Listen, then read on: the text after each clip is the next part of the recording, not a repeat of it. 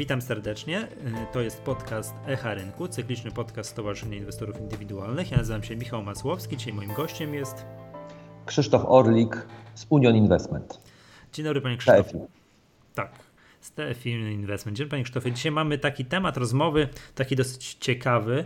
Mm, jakby coraz więcej inwestorów mm, próbuje się interesować takimi rzeczami. Ja pamiętam jeszcze z czasów mojej młodości, to był jedyny dostępny fundusze na rynku, to był po prostu fundusz akcyjny. Ja uznawałem jako inwestor, że się nie znam na inwestowaniu, oddaję to specjalistom i oni za mnie kupują, kupują te akcje, no ale czas płynie, tak? Od tego czasu minęło ponad 20 parę lat, no i coraz nowe fundusze się pojawiają, w tym między innymi popularne ostatnio fundusze, które mają taką bardzo, powiedziałbym, atrakcyjną marketingową nazwę, czyli fundusze absolutnej stopy zwrotu. Proszę powiedzieć naszym słuchaczom, co to są te fundusze absolutnej stopy zwrotu i czym one się odróżniają od klasycznego funduszu akcyjnego, zrównoważonego, obligacyjnego. Może najlepiej zacząć od katastrofy.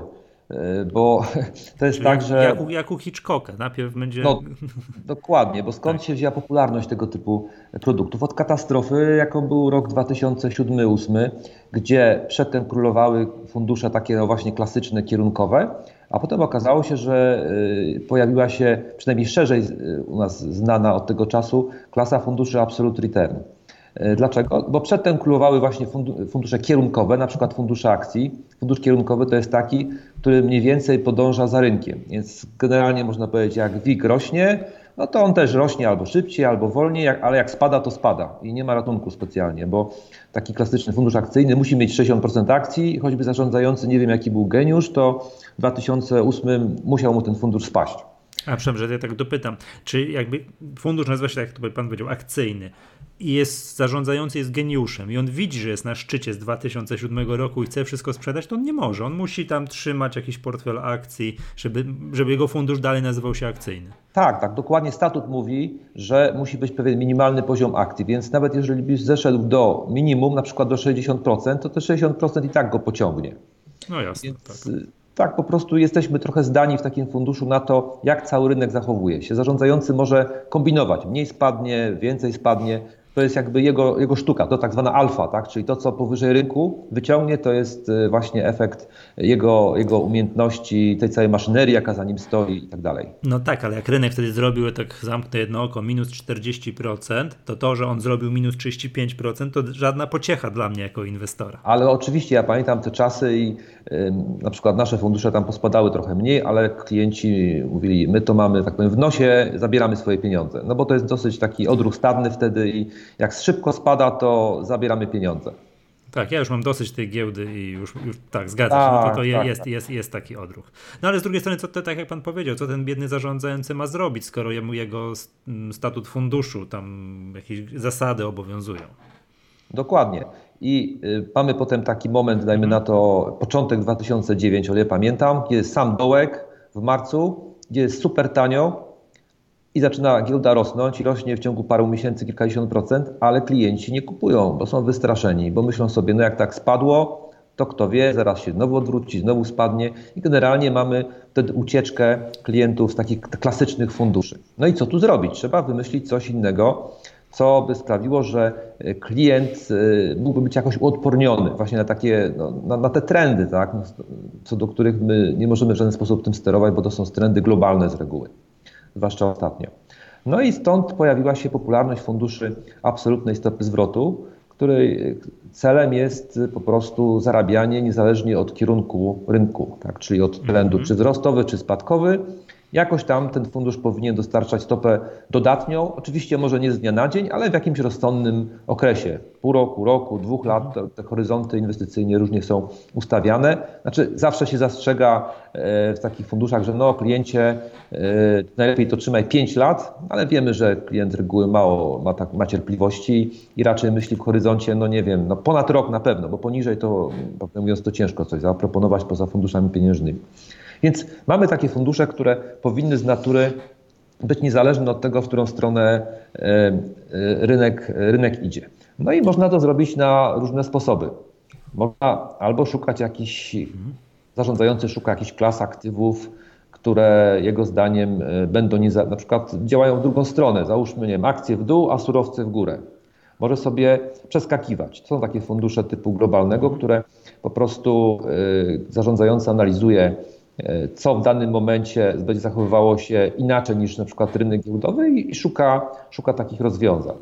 To, to może tak zrobić? Znaczy, rozumiem, że to wtedy tak działa, to tak, to co powiedzieliśmy, że ten zarządzający jest geniuszem i w szczycie 2007 roku stwierdza, że akcje są już bardzo drogie i on teraz nie chce być na akcjach, bo on wie, że choćby kupił najlepsze akcje, to one i tak spadną, to może przesiąść się na zupełnie inną klasę aktywów. Nie wiem, co tam wtedy wzrosło.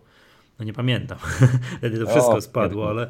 Ropa tak. na przykład chyba potem skoczyła. Dopiero potem mieliśmy takie straszne wzrosty. Mm, Przykładowo. Tak. O, dolar podrożał. O, dolar podrożał. Albo to dolar. pamiętam, tak. Tylko tak, załóżmy znowuż, że zarządzający musi być geniuszem i przewidzieć, że właśnie ropa, dolar albo coś innego wzrośnie, kiedy akcje spadają. Co jest znowuż bardzo wysokim ryzykiem, no bo albo trafi, albo nie trafi. Oczywiście y, czy jemu tak wolno zrobić? To musi być inny fundusz e, pod strony prawnej niż taki klasyczny, mhm. czyli e, najczęściej jest to w formie funduszu inwestycyjnego zamkniętego. Tego typu fundusz może mieć w statucie zapisane, że zarządzający no, praktycznie inwestuje w co chce. Może mieć akcji od 0 do 100%, nie jest związany. Może sobie kupować jakieś instrumenty pochodne, mniej czy bardziej agresywne, nieruchomości i różne inne cuda. I oczywiście, mówię, jeżeli jest geniuszem, jest świetnym analitykiem, może mu się taka sztuka udać. Aczkolwiek to nie jest tak, że tego typu fundusz nie jest pozbawiony jakby wysokiego y, poziomu ryzyka. To jest, to jest oczywiste. Ja mówię na razie tak bardzo ogólnie, że to jest taka klasa absolute return. A zaraz mhm. przejdę do takich y, funduszy, które y, można powiedzieć są nieco bardziej zachowawcze i są bliższe takiemu ideałowi, że niezależnie co na rynku się dzieje, to w jakiejś rozsądnej perspektywie, a nie, że czekając 10 lat, zarobimy na tym. Mhm. No bo to, co pan powiedział, że zakładając na sekundkę, że ten tak. zarządzający jest geniuszem i się przesiada, tak, tu pozbywa się akcji, albo ma 100% w akcjach, albo pochodne, albo to, albo to, to brzmi bardzo ryzykownie. No bo jak będzie jest geniuszem, to będzie się przesiadał dobrze. A jak będzie miał pecha, no co niestety teraz na jakiś czas się zdarza, no to, no to, to, to, będzie, miał, to będzie problem dla. Oczywiście dla, dla i, i mamy. Mamy spektakularne takie przypadki, że fundusz świetnie sobie radzi nawet przez 2-3 lata, ale potem jedna błędna decyzja i nagle parę dziesiąt procent w dół. Może się to zdarzyć, więc klient, mhm. który tu kupuje, no musi być świadom, że jeżeli statut jest tak skonstruowany, taka jest technika zarządzania, to może się zdarzyć też taka historia. Mhm. E, natomiast są jeszcze inne, inne rozwiązania. Akurat o tych może trochę więcej powiem, bo akurat w mojej firmie to się e, jakby najczęściej stosuje, czyli tak zwane fundusze long short mhm. albo jeszcze bardziej e, market neutral. Najpierw co to znaczy long short? Long short to znaczy, że kupujemy jednocześnie do funduszu aktywa na pozycję długą, czyli takie, które zarabiają, kiedy rynek rośnie, czyli cena aktywa rośnie, na przykład akcji, i short, czyli takie, gdzie cena, e, jeżeli cena spada danego aktywa danej akcji, to wtedy my zarabiamy, czyli jakby odwrotność. Dwa znaki, dodatni i ujemny jednocześnie. A mówi Pan na przykład o akcjach też, ten short na, na w przypadku akcji? Tak a w Polsce z, z, naszą dostępnością krótkiej sprzedaży, z którą wiemy jak jest, no to też jest to możliwe do realizacji? E, jest to możliwe, chociaż faktycznie jest to ograniczone najczęściej do spółek z WIG-u 20 i może pojedynczych z, z MWIG-u więc y, na pewno zarządzający ma tu pewne ograniczenie. Stąd też często zamiast takiej krótkiej sprzedaży na akcjach stosuje się po prostu sprzedaż kontraktu terminowego, gdzie znowuż na WIG20 to można powiedzieć hula i dusza, jest płynność bardzo duża, ale już na MWIG na przykład, no to niestety jest to dosyć ograniczone. Ale oczywiście zarządzający nie jest ograniczony do rynku polskiego, bo może to samo robić na rynku niemieckim, amerykańskim, w zależności od tego, jakie ma kompetencje. W każdym razie taka konstrukcja pozwala na to. Załóżmy, że wybieramy sobie jakąś parę spółek, tak, dla porównania, na przykład, nie wiem, Orlen i Lotos, ten sam, ten sam sektor, czyli on tak samo reaguje na przykład na to, czy cena na rynkach rośnie, czy spada, ropy mam na myśli, tylko być może jeden ma lepszego menedżera, drugi gorszego, albo są jakieś inne czynniki, które sprawiają, że cena się zmienia. No i załóżmy, to jest abs, abs, tak abstrakcyjny przykład, załóżmy, że zarządzający ustala, że e, Orlen będzie rósł, Y, szybciej, a Lotos wolniej. Mhm. I na przykład kupuje sobie na pozycję long y, Orlen, tak, czyli ten, co będzie szybciej rósł, a na short Lotos, który będzie rósł wolniej. I co się wtedy dzieje? Załóżmy, że w danym okresie Orlen wzrasta 5%, więc zarobiliśmy 5%, a Lotos wzrósł tylko 3%. czyli straciliśmy 3%, prawda? Po pozycja odwrotna. Mhm. Czyli na jednym zarobiliśmy 5, na drugim straciliśmy 3, jesteśmy na plus 2. Takie, przepraszam, takie syntetyczne CFD sobie zrobił ten, znaczy nie syntetyczne, poskładał sobie i zrobił tak, takie poskładał. CFD na kurs Orlen Lotos, na różnicę kursową Orlen Lotos. Tak, oczywiście mógł nie trafić, bo się okazało, że e, obstawił i wyszło odwrotnie i Lotos e, od Lotos jest lepszy od Orlenu, no to wtedy mamy odwrotnie, to jest minus 2. Ale zwróćmy mhm. uwagę, że to jest 2, a nie 5 na przykład. Czyli jakby ograniczyliśmy y, ryzyko i jeżeli nawet spadnie, to mniej. Mhm. Ale rozumiem, że to też zadziała, bo to wtedy, jako te, te obydwie spółki będą spadać, ale Orlen według tego zarządzającego jest lepiej i tam, nie wiem, zarządzaną spółką będzie spadać a... mniej, Lotos więcej, to on też zarobi. Oczywiście mamy takie przypadki nawet w naszych funduszach, że zdarzyło się, że w jakimś okresie jedna spółka y, spadła na przykład 10%, a druga 5. No to w tym momencie na tej, która spadła 10, obstawialiśmy, że ona jest gorsza, to mamy plus 10, na drugiej mhm. minus 5, prawda, plus minus wychodzi 5 na plusie, czyli również na rynku spadającym możemy zarobić. Oczywiście mhm. idealnie jest tak, kiedy nasza spółka na long jest na plusie, a ta, na, y, ta, ta zła jest, tak powiem, ta gorsza jest na minusie, no to wtedy nam się po prostu sumuje i to jest w ogóle ideał. To się czasami zdarza, no ale, no, no, ale wiadomo, tak, jak pan, że... tak jak pan podał przykład pozytywny, należy podać również negatywny, że ta dobra nam się posypie, ta zła wzrośnie i w ogóle jest katastrofa. Oczywiście, natomiast chodzi o to, że e, to pokazuje, że niezależnie od tego, w którą stronę rynek idzie, czy jest e, do góry, na dół, czy jest po prostu taki horyzontalny jako całość, jako mhm. indeks, czy boczny trend, no to możemy w takiej sytuacji y, zarobić. Oczywiście, jeżeli dobrze poukładamy te, te spółki, no bo rzecz jasna zarządzający może obstawić odwrotnie, jego analiza tak się okaże nietrafna i, i, i mamy problem. Natomiast ten problem jest ograniczony, bo proszę zwrócić uwagę, ten pierwszy przykład, że Lotos 5, a tam, y, przepraszam, z Orlen 5, a Lotos, Lotos 3. Gdybyśmy to kupili na long, po połowie załóżmy, że tak, mamy 100 tysięcy i po 50 pakujemy w jedną spółkę i w drugą, no to nam wyjdzie średnia wypadkowa z takiej stopy zwrotu 4%, tak, mhm. tak prosto w głowie licząc. Czyli zarobiłem 4. Jeżeli zastosowałem i dobrze poszło właśnie taki, taki long short, no to mam plus 2, czyli gorszą stopę zwrotu, ale ona jest bardziej, bardziej pewna, no znaczy pewna, no jest mniejsze ryzyko ewidentnie, bo gdybym nie trafił, no to nie będę miał minus 4, a minus 2.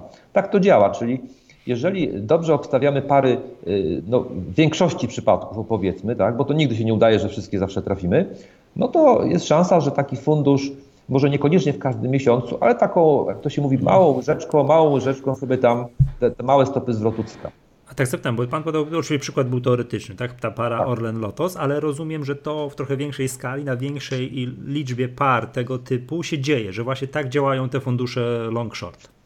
E, oczywiście, przy czym od razu jeszcze chcę powiedzieć, że jakby pojęcie long short oznacza, że mamy jedną spółkę na długo, a drugą na krótko. Tak, natomiast takie, pa jeszcze, takie pary sobie Państwo to zestawiacie. Tak, natomiast jest mhm, jeszcze, okay. jeszcze jakby takie jeszcze węższe podejście, które nazywa się market neutral, że mhm. taką samą kwotę zainwestujemy na długo i taką samą na krótko.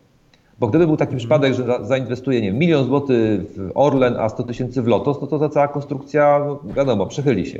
Mhm. Ale jak to jest 50-50, no to wtedy mamy to ryzyko dokładnie takie, jak, jak tutaj opowiedziałem, czyli ono jest jakoś tam w ryzach. A jeszcze jak zarządzający sobie takich par wybierze 10, 20, 30, no to oczywiście mu się to wszystko rozkłada i jeżeli taka para stanowi na przykład 5% całego portfela, no to nawet jeżeli będzie, jak powiem, nietrafiona inwestycja, w danym miesiącu, dajmy na to, no to minus jest, ale on rozkłada się w skali portfela i daje jakiś tam niewielki tylko składnik ujemnej mm -hmm. stopy, załóżmy. Mm -hmm. Nie, brzmi bardzo fajnie. Mam, będę zadawał takie pytanie. Wróćmy na chwilę do tego przykładu klasycznego funduszu akcyjnego, który tam kupuje akcje i, i, i tam jest no, trochę na, bardzo narażony na zmiany koniunktury, tak? No jak ma pecha, to taki biedny inwestor to kupi na szczycie w 2007, tak? Czy tam później w 2009 E, ale takie fundusze klasyczne akcyjne jako benchmark z reguły podają jakiś WIG, WIG20, coś takiego i próbują się, nie, najchętniej WIG20, bo, to, bo tam nie ma dywidend, więc najchętniej indeks tak. cenowy podają. Jako, jako, jako porównanie indeksy dochodowe to już tak, to już mniej chętnie, ale generalnie jest jakiś indeks, do którego się starają porównywać, no i później jest, może być ta sytuacja, o której mówiliśmy, że indeks spada 40%, nasz fundusz minus 30%, czyli teoretycznie nieźle, no ale... Tak, jednak... zarządzający nagrody dostaje jeszcze za tak, to, bo tak do... się nie zarządzał, a klient ma to w nosie. Tak, dokładnie, ale chodzi o to, że jest jakiś benchmark, typu właśnie z reguły są to indeksy. A proszę powiedzieć mi w przypadku takiego funduszu, o którym Pan mówił, tego właśnie takiego absolutnej stopy zwrotu, takiego składanego, tego long short, tą metodą takie, w takie pary, to co jest benchmarkiem w czymś takim? Do czego wówczas porównuje się taki zarządzający? najczęściej ustawia benchmark w postaci stopy od, wolnej od ryzyka. Mhm. Na przykład bierze się roczny VBIT i na przykład niekoniecznie jeden, na przykład dwa wibidy, trzy wibidy i tak dalej. W każdym razie chodzi o taką stopę procentową z rynku. Mhm. Tak, stopę procentową z rynku albo tam pomnożoną w zależności jak to, jak ryzyko funduszu jest ustawione, no bo jak powiemy, że zarobimy klientowi 1,5%, czyli dzisiejszą stopę, no to tam chętnych nie będzie za wielu. Więc zarządzający musi zrobić takie wolne stopy 2-3, prawda? Wtedy y, klienci, którzy na przykład usłyszą, że jest duża szansa, że będziemy robić regularnie 5-6%, no to jak najbardziej mogą być skłonni na przykład zabrać z depozytu pieniądze, które są dzisiaj na 1,5% i wrzucić w coś, co ma szansę spore na piątkę. Zwłaszcza jeżeli y, no, zarządzający udowodnił w historii, że jest w stanie najczęściej regularnie taką stopę dowieść. Mhm. A dobrze, 5, a teraz właśnie... 7, 10 nawet, prawda? Tylko 10 no to już oczywiście ryzyko jednak rośnie. To nie jest tak, że ja mogę dowolną stopę mhm. sobie podać i, i myślę, to na pewno uda. Tak, nie, to, to, to zaraz zawsze. O, właśnie chciałem zapytać, to właśnie o, te, o, ten zysk w porównaniu do ryzyka. No bo znowu wiem, jak to jest w funduszu akcyjnym, tak? Który tam powiedzmy sobie w miarę pasywnym rząd kupi, no i tak znaczy, jak dobrze kupi w dołku, no to, to to, to wzrosty są, no ale jak są spadki na giełdzie, no to on też jest narażony na, na, na spadki i tam jakieś obsunięcia kapitału są widoczne. Czasami ja tutaj robię takie porównania, że taki jakiś typowy fundusz akcyjny, jak się nakładało na indeks, to była taka zabawa w znajdź pięć różnic różniących te dwa obrazki, prawda? Tak. I to jakby no, inwestorzy, klienci muszą być tego świadomi. A jak to jest w przypadku właśnie tego typu, tego typu funduszy? Jak domyśl, ile Jakieś może Pan podać przykłady, na przykład ile procent rocznie takie fundusze najlepsze na rynku są w stanie zrobić i przy jakich obsunięciach kapitału to się maksymalnych to się, to się dzieje?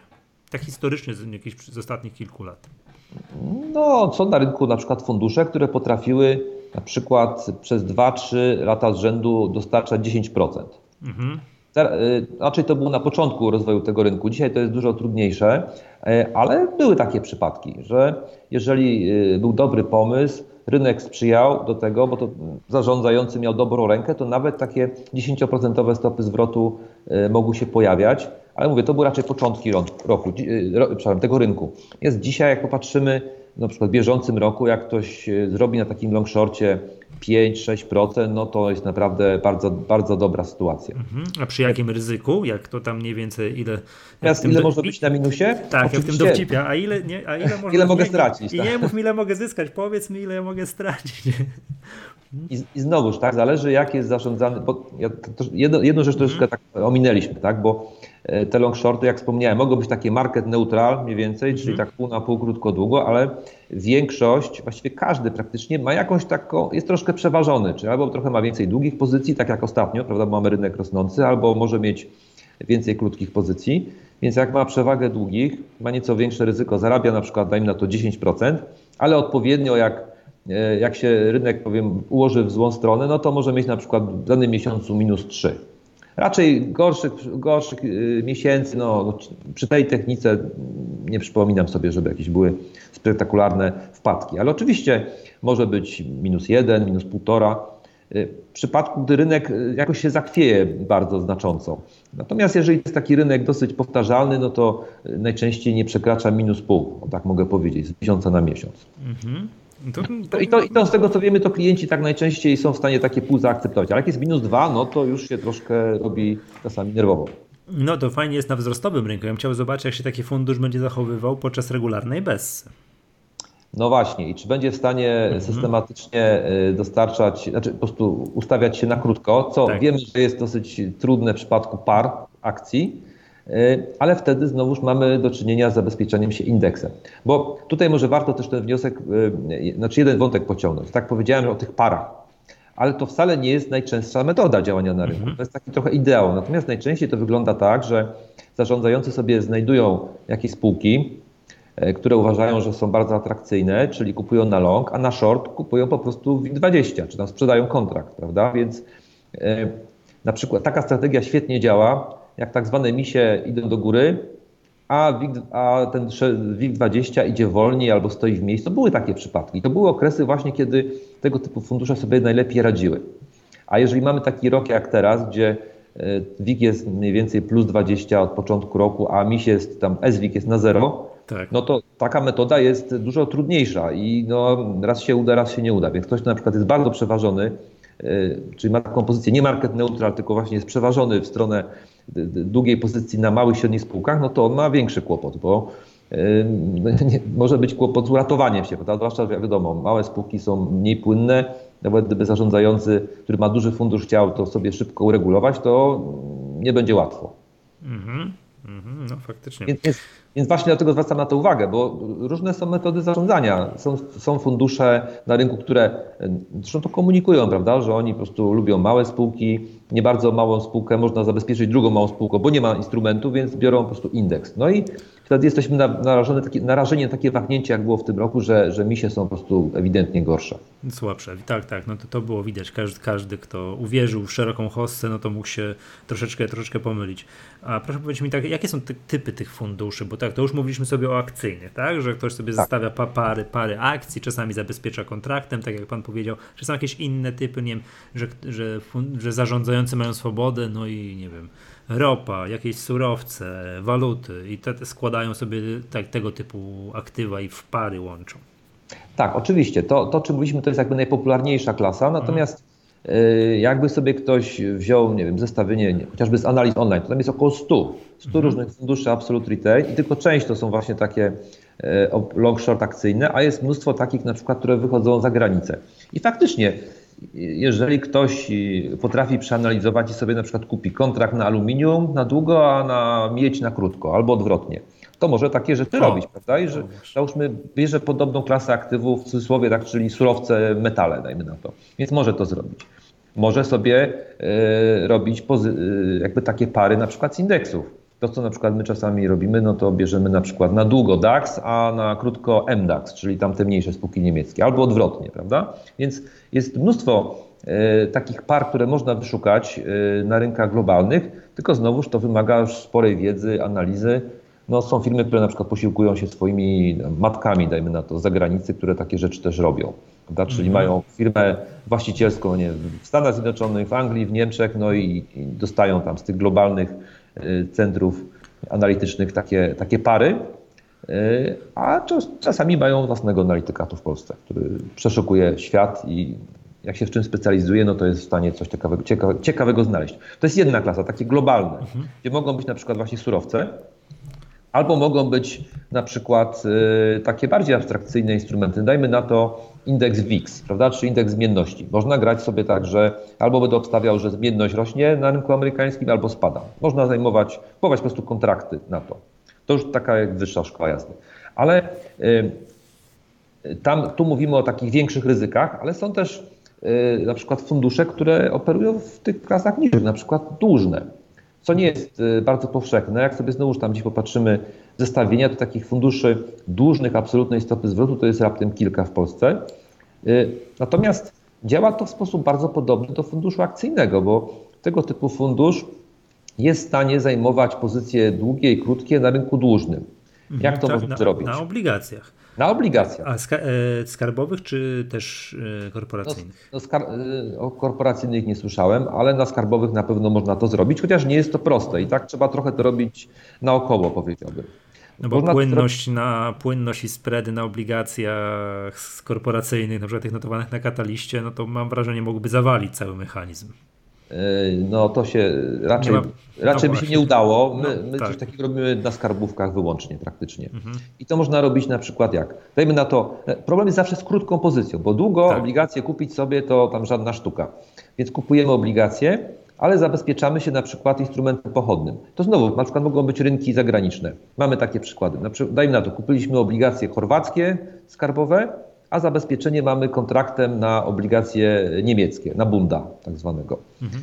I w tym momencie, jeżeli obstawiamy, że ceny chorwackich będą szły do góry szybciej niż, niż bunt, bunt to jest takie zabezpieczenie, jakby cały rynek globalny nam się gdzieś tam wywinął, jakiś czarny łabędź mhm. prawda, przy, przypłynął, no to w tym momencie, jeżeli dobrze obstawiliśmy, możemy to zarobić, na, na tym zarobić. Albo, y, albo też y, jest pewne ograniczenie, ale możemy też w pewnym sensie pożyczać, pożyczać obligacje skarbowe także tu w Polsce. może tak nie wchodził w takie strasznie techniczne szczegóły, ale jest, jest to możliwe dla doświadczonego zarządzającego, który może sobie stosować różne techniki. Mogę powiedzieć na przykład jako ciekawostkę, co my robimy. Jak to jest, żeby mieć, mieć taki fundusz absolutnej stopy zwrotu dłużny o, o niskim ryzyku, jakby fragment jest o niskim ryzyku. To jest taka konstrukcja E, zwana też niekiedy butterfly, czyli, czyli motyl. Na czym to polega? Załóżmy, mamy jakąś obligację skarbową na rynku, która ma do wykupu 5 lat. Jakaś tam emisja dokładnie sprzed 5 lat, czyli 5 lat zostało do wykupu. I załóżmy, bierzemy ją na długo, kupujemy ją. I na przykład wydajemy na to milion złotych. A jednocześnie pół miliona, za pół miliona sprzedajemy obligację, która ma 5 lat minus jeden miesiąc, a drugą, która ma 5 lat plus jeden miesiąc, czyli jakby sąsiednie obligacje, bo wiadomo, co miesiąc jest emisja ze Skarbu Państwa.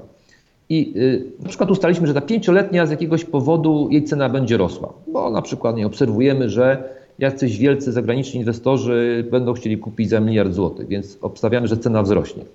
Zabezpieczamy się tymi, które są jakby sąsiednie. W związku z tym mamy takie wahnięcie, wahnięcie cen, ono jest minimalne. To są najczęściej jakieś setne ułamki procenta. Ale jeżeli takich, jak zwana, tak zwana krzywa rentowności, czyli tam od 0 do nie, 20 lat, takich punktów może być jednocześnie wiele, gdzie my obstawiamy, że będą takie niedoskonałości. I robimy takie zakłady, one trwają czasem dwa dni, czasem tydzień, dwa tygodnie i zarabiamy na tym dwie setne, trzy setne, ale jak robimy tego dużo w skali, w skali miesiąca, ryzyko jest Y, jest niskie, no bo oczywiście czasami nie trafimy, ale to znowuż jest strata dwóch bipsów tak zwanych. Jak robimy tego dużo, takiego tak powiem, mielenia, no to y, jest w stanie zarządzający, który ma naprawdę smykałkę do tego zrobić wynik dajmy na to miesięczny, 0,3%, 0,4% i to nam się robi z tego na przykład wynik roczny 4% albo 4,5%. To na, funduszu, który, na funduszu, który operuje na obligacjach, no to brzmi fajnie. Tak, brzmi to fajnie. Oczywiście mhm. na przykład w tym roku tak nam się udało, ale raczej cel takiego funduszu w obecnych warunkach rynkowych to jest 3-3,5. Czyli to jest jakby alternatywa dla funduszu pieniężnego, któremu trudno mhm. taki wynik y, zrobić. Jasne. Więc y, i znowuż, na przykład w tym roku fundusze pieniężne sobie świetnie radzą. One tam y, średnia z rynku jest bodajże 2,5%. Jest to dobry rok. Ale czy przyszły taki będzie w perspektywie podwyżek? To, to trudno powiedzieć. A absolut może utrzymywać taki trend stale. O to chodzi w tego typu produkcie. Mhm. A tak, właśnie dobrze. Takie pytanie zadam trochę długoterminowe. Czy tego typu fundusze to są fundusze dla inwestorów krótkoterminowych? Może też jakby Pan odczarował, czy długoterminowych? Że Pan odczarował, na jak długo przychodzą klienci i mówią, że ja tu chcę zainwestować na rok, na 5 lat, czy do nieskończoności na emeryturę? Oczywiście e, tak zgodnie ze sztuką to się powinno e, powiedzieć tak, jeżeli tam są jakieś instrumenty pochodne, no to 5 lat przynajmniej. No ale wiemy, że mhm. takich inwestorów to za dużo nie ma, co by, co by chcieli mnóstwo pieniędzy wpakować. Mówię mnóstwo, bo jeszcze jedna rzecz, e, jako to jest tak zwany FIS, no to generalnie, żeby zainwestować w coś takiego, no to jest równowartość 40 tysięcy euro. Więc to nie jest dla mhm. każdego detalicznego klienta. Więc jakąś większą kwotę z perspektywie 5 czy 10 lat, to mm, raczej byłoby kłopotliwe. Celem, e, celem zarządzającego jest, żeby dostarczać dodatnią stopę zwrotu co roku względu. Co, co roku, tak. tak bez przez kolejne 12 miesięcy. Dokładnie, jak sobie popatrzymy na wykresy takich funduszy, to z reguły to się udaje. Oczywiście może się trafić taki, który jakiś powodów nie trafił, ale raczej póki co jest dosyć to powtarzalna klasa aktywów, co e, zresztą sprawia, że klienci dosyć masowo kupują tego typu fundusze, bo to mhm. jest jedna, jeden z takich hitów sprzedażowych. Na pewno w zeszłym roku, w tym może mniej, ale to są też grube, e, grube miliony. Jako tak ciekawostka, sobie znalazłem informację, E, jak to jest w tym roku e, z Izby Funduszy. To są dane na koniec października i na przykład akcyjnych funduszy, mimo, mimo generalnie bardzo dobrych wyników, to saldo jest minus 430 milionów na akcyjnych, a na absolutnej stopy zwrotu plus 630. No, bo to się te akcyjne, że te e, no, marne zainteresowanie tak przysłowiowych Kowalskich funduszami akcyjnymi, to się dosyć szeroko odbiło w mediach, że też zadawano pytanie, no co to za hossa? To nie ma jeszcze na pewno szczytu hossy, bo jeszcze przysłowiowy Kowalski nie ruszył z tą reklamówką mhm. pieniędzy do, do punktu obsługi klienta i powiedział, że akcje za wszystko, że to, to, to się jeszcze nie wydarzyło, że także trochę tak wszyscy patrzą ze zdziwieniem, że jak to jest? Całe po, pierwsza połowa 2017 roku była były duże wzrosty, a fundusze akcyjne tego nie, nie odczuły. To rozumiem, że te fundusze z absolutnej stopy zwrotu wręcz przeciwnie. Tam jakieś zainteresowanie klientów jest. Bo właśnie popatrzmy, dlaczego ludzie coś kupują albo nie kupują. Jeżeli ludzie by uwierzyli, klienci uwierzyliby, że rynek akcyjny ma doskonałe perspektywy, mieliby zaufanie, to nie powinni tutaj no, grube mhm. pieniądze wrzucać. Tak, a tak się nie dzieje. Tak się dzieje. Mimo, że mamy świetne wyniki makro, gospodarcze, generalnie perspektywy są całkiem niezłe. Mamy dobry, cały rynek globalny sobie nieźle radzi, a mimo to klienci najwyraźniej nie wykazują zaufania do długoterminowych perspektyw tego typu funduszy. No bo czym to można inaczej wytłumaczyć? No logikę powinni kupować. Jeszcze, Natomiast... nie, jeszcze nie zapomnieliśmy chyba o tych latach 2015-16, kiedy nas trochę sponiewierało. No, oczywiście, trochę sponiewierało, plus no właśnie nie ma póki co zaufania, nie wydaje się, tak, o, e, żeby, żeby ono było. Natomiast absolut właśnie wtedy powinien działać, kiedy ludzie się boją, ale jednak chcieliby zarobić więcej niż na depozycie albo jakimś takim prostym funduszu dłużnym. No i cały czas ta sytuacja e, w tym roku, czy większość, przez większość tego roku miała miejsce, że ludzie wybierali właśnie fundusz absolutnej stopy zwrotu, które miały powtarzalne wyniki, mhm. powtarzalne wyniki. Teraz powiedzmy tam ostatni miesiąc, dwa, trzy trochę było gorzej, no ale to nie jest tak, jak mówiłem, to nie jest tak, że w każdym miesiącu musi być e, zysk, ale przez skali roku wszyscy są, czy prawie wszyscy są na plusach, więc y, póki co ta klasa aktywów y, sobie nieźle radzi. Natomiast y, co do, co do akcji, no to wzrosty na giełdzie wygląda na to, że chyba nie fundusze jednak wygenerowały, tylko pewnie inwestorzy zagraniczni, którzy tutaj z większymi pieniędzmi przyszli i kupili, zwłaszcza WIG20, prawda, no bo tam rośnie. Jasne. Dobrze. A nasi proszę... klienci niestety nie. Dobrze. Proszę powiedzieć mi taką rzecz jeszcze e, a propos tych funduszy absolutnej stopy zwrotu. Jakie są prowizje e, za, za, za zarządzanie? Mm, prowizje za zarządzanie, czy opłaty za zarządzanie, oczywiście one się e, wahają. W przypadku takich funduszy, gdzie są w środku akcje, tak, można powiedzieć akcyjnych absolutnej stopy zwrotu, one tak się wahają 2, 2,5, 3%. To są tego typu, czyli niżej niż na funduszach akcyjnych mm. typowo, natomiast no, to jest jakiś taki poziom e, na pewno powyżej funduszy dłużnych czy, czy, czy pieniężnych. Więc do tego oczywiście, jeżeli kupujesz taki fundusz gdzieś u dystrybutora w banku, no to na, pojawi się jakaś opłata wstępna, manipulacja. Dobrze. To jeszcze proszę powiedzieć mi na koniec taką rzecz. Ktoś wysłuchał tej naszej rozmowy, zainteresował się, jakby chciał sobie, nie wiem, po pierwsze poczytać, a po B nawet kupić, to gdzie powinien się udać, czym się, jak się powinien zainteresować, żeby sobie te, troszeczkę więcej na ten temat, troszkę więcej na ten temat się dowiedzieć. Mm. Co do, co do wiedzy, to pewnie e, ciężko by było znaleźć jakieś takie niezależne, wielkie źródło informacji, gdzie to wszystko dokładnie jest opisane, ale oczywiście wszyscy E, wszyscy, którzy zarządzają taki, takimi funduszami, na swoich stronach internetowych opowiadają, co oni mają najlepszego. E, a jeżeli, ale de facto należy pójść do dystrybutora, bo najczęściej jest tak, jak to jest jakiś dystrybutor typu bank, no to najczęściej on ma kil, kilka różnych produktów z różnych funduszy, różnych CFI, no i wtedy on też będzie w stanie powiedzieć, jakie są różnice. No bo jak gdyby się chciało kupić, no to trzeba trafić do dystrybutora. Dystrybutora, dystrybutorzy są E, to najczęściej banki, mogą to być biura maklerskie, wtedy kupujemy jakby bezpośrednio fundusz inwestycyjny. Ewentualnie e, pojawiają się też te produkty, można powiedzieć, znaczy fundusze zapakowane jakby w produkt ubezpieczeniowy. Czyli może być tak, że mamy różne fundusze kapitałowe na rynku, tak zwane UFK, ubezpieczeniowe fundusze kapitałowe i często w środku są właśnie fundusze absolutnej stopy zwrotu, albo tak można powiedzieć jeden do jednego, albo na przykład są jakieś portfele, miksy, to już w zależności od tego, jak dana firma ubezpieczeniowa sobie to wszystko układa. Mhm. To akurat wiem, że inwestorzy giełdowi, taki, którzy słuchają tej naszego nagrania, to raczej niechętnie podchodzą do takich no, upakowanych produktów, wszystko we wszystkim, bo nie wiadomo już tak naprawdę, co jest czym i jak to te stopy zwrotu liczyć. A my bardzo, inwestorzy indywidualni, bardzo lubimy sobie liczyć stopy zwrotu tak. i porównywać do, do różnych, in, do różnych inwestycji, na przykład do stopy dywidendy z jakichś tam naszych historycznych inwestycji. No jakby ktoś się już tak zainteresował Państwa funduszem, to, to gdzie, co powinien zrobić, gdzie powinien się udać? My na przykład e, co miesiąc praktycznie mam emisję tych funduszy, bo tutaj o tym nie mhm. mówiłem, ale to nie jest tak, że można w dowolnym momencie kupić sobie taki mm -hmm. fundusz, tylko, no właśnie, tylko on jest emitowany. Fundusze inwestycyjne zamknięte mają E, po pierwsze, najczęściej miesięczną wycenę, to też warto o tym pamiętać. Mhm. Są na rynku takie, które też co dwa, co dwa tygodnie się wyceniają, a nie czasem rzadziej. O, to jest bardzo duża różnica w stosunku do jakiegoś zwykłego takiego funduszu akcyjnego, tak. zrównoważonego. Mhm. Tak, rzeczywiście. Także wycena jest najczęściej raz w miesiącu, chociaż są też takie że na rynku, że raz na trzy miesiące. Też, też takie, chociaż rzadko. Najczęściej raz na miesiąc. i nabycie jest w ramach emisji. Taka emisja na przykład w naszym przypadku trwa z reguły 2-2,5 tygodnia. W tym okresie można się zapisać na, na certyfikaty, bo to nie są jakby jednostki, certyfikaty są w FIZie, tak, a nie, nie, nie jednostki uczestnictwa. A taki odpowiednik Trzeba, troszeczkę tak, rozumiem. a mniej więcej. Mhm. I trzeba pójść po prostu do banku, który taką emisję ma. No przykładowo, nie mogę wymienić banki, na przykład, z którymi pracujemy, gdzie co miesiąc mamy, czy albo prawie co miesiąc na przykład. Może to być bank ING, może być bank PKSA, może być to centralny dom maklerski PKS-a, może być to na przykład, nie wiem, dom inwestycyjny Xelion.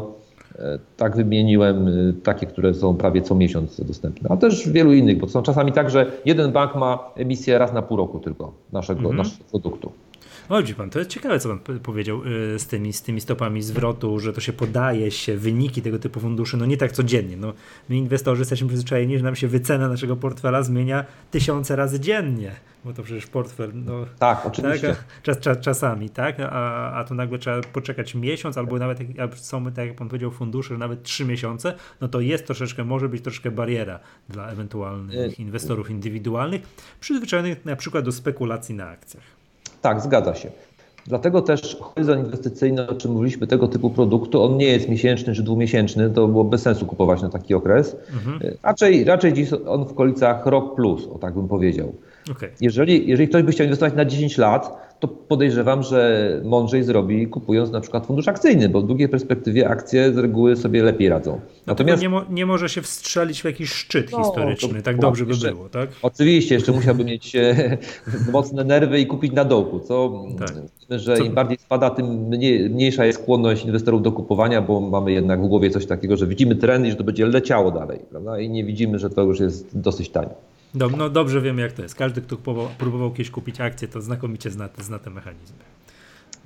E, dokładnie tak. Natomiast absolut, jak mówię, on tak jest w porównaniu e, na przykład do obecnej sytuacji, gdzie na funduszu akcyjnym zrobimy dobrze, to tu robimy to małą rzeczką, że robimy mniej, natomiast bardziej przewidywalnie. A jak spadnie, to nie, że mamy minus 10 w miesiącu, bo to przecież się może zdarzyć na funduszu akcyjnym, nawet bardzo dobrym. Bez problemu. Tylko, mhm. tylko będzie, nie wiem, minus 2 na przykład, w przypadku okay. jakimś takim naprawdę trudnym. Okej, okay, czy moglibyśmy taki fundusz polecić osobom takim z awersją do ryzyka, takich które trochę ostrożnie, że tak powiem, podchodzą do inwestowania?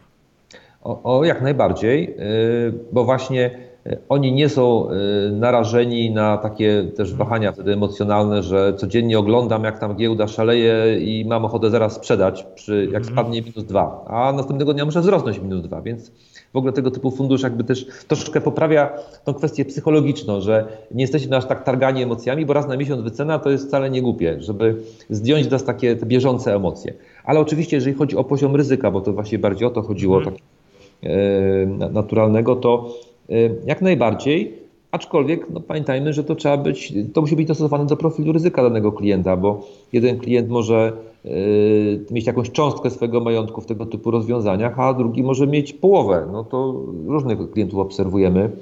Yy, wiadomo, to są też najczęściej klienci zamożni, no bo jeżeli trzeba zainwestować 40 tysięcy euro, czyli prawie 200 tysięcy złotych, no to, to klient powinien mieć no, nie wiem, no pół miliona ponad na pewno, bo wszystko takiego wrzucić to jest na pewno nie do końca sensowne. Chyba aczkolwiek kupuję za 200 tysięcy, ale potem mogę połowę wycofać, prawda? Mhm. No bo wcale nie jest tak, że jest zero-jedynkowo, że mogę kupić za 200 i potem muszę to umorzyć do zera. Mogę w pewnym czasie zredukować pozycję.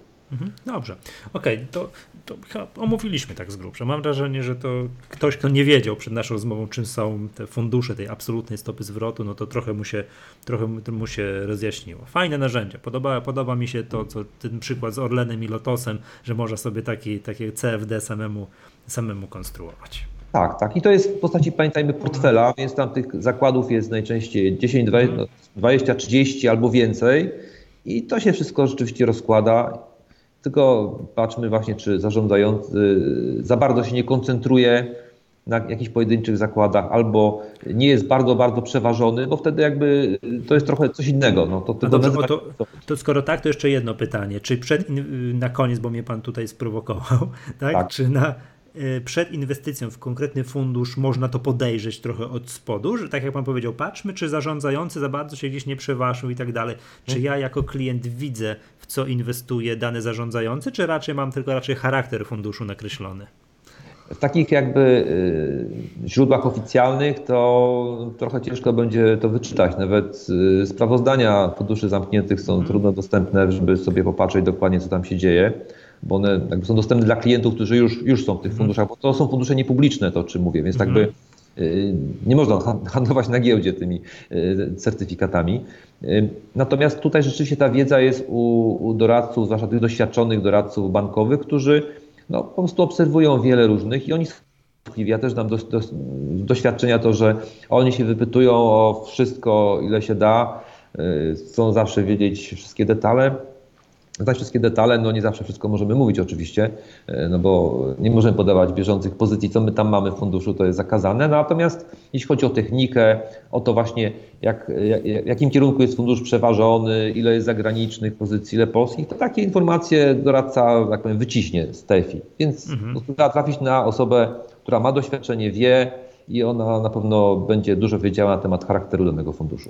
No bardzo dobra konkluzja, czy jak we wszystkim nie można tego, my to powtarzamy naszym członkom i generalnie ludziom, że fundusz inwestycyjny inwestycje w fundusz inwestycyjny to nie jest metoda inwestycji. Weźcie ode mnie te pieniądze, wy jesteście specjalistami i tam zróbcie co chcecie, a i to wy będziecie winni moich strat, że każdy klient przed inwestycją musi dokładnie dany fundusz, bez względu na to, jaki ma charakter, dokładnie prześwietlić i wiedzieć, w co inwestuje. Że ta świadoma inwestycja jest tutaj bardzo, bardzo ważna. Aha, a jeszcze jedną rzecz dodam, bo mhm. y, jesteśmy dzisiaj na początku grudnia, ale od nowego roku no, ma się pojawić regulacja MIFID 2, która y, no, bar, bardziej jeszcze reguluje te wszystkie kwestie związane też z, z analizą ryzyka i z tego, co obserwujemy, E, banki, z którymi współpracujemy, one będą bardzo jeszcze bardziej dokładnie prześwietlały profil ryzyka. Dokładne ankiety e, przeprowadzały. Tak, tak, tak mhm. klientów. Czyli w tym momencie, jeżeli klient na przykład, co było powszechne do tej pory, powie, nie chce żadnej ankiety wypełniać, to nie da się. No, musi ankietę wypełnić i musi tam wynikać z niej, że on akceptuje ryzyko, wtedy e, dostanie taki fundusz, na przykład long short z udziałem akcji. Rozumiem, jeżeli... że jak klient odmówi wypełnienia takiej ankiety, to na przykład bank może mu odmówić sprzedaży tam instrumentu takiego, o którym tutaj O większym ryzyku i na przykład mhm. dostanie tylko fundusz pieniężny, może obligacyjny, natomiast absolutnie żadnych akcji albo tam, gdzie są jakieś instrumenty pochodne nie dostanie. Takie przypadki mogą być po nowym roku. Okej, okay. Więc... to, to bądźmy tego świadomi także przy kontaktach z naszymi doradcami różnych rodzajów finansowych. Dobra. Tak jest. Okej, okay. dziękuję bardzo. Yy, dziękuję bardzo za rozmowę. To był podcast Echa Rynku. Ja nazywam się Michał Masłowski, gdzie razem ze mną nagrywał Krzysztof Orlik, Union Investment TFI. Do usłyszenia następnym razem.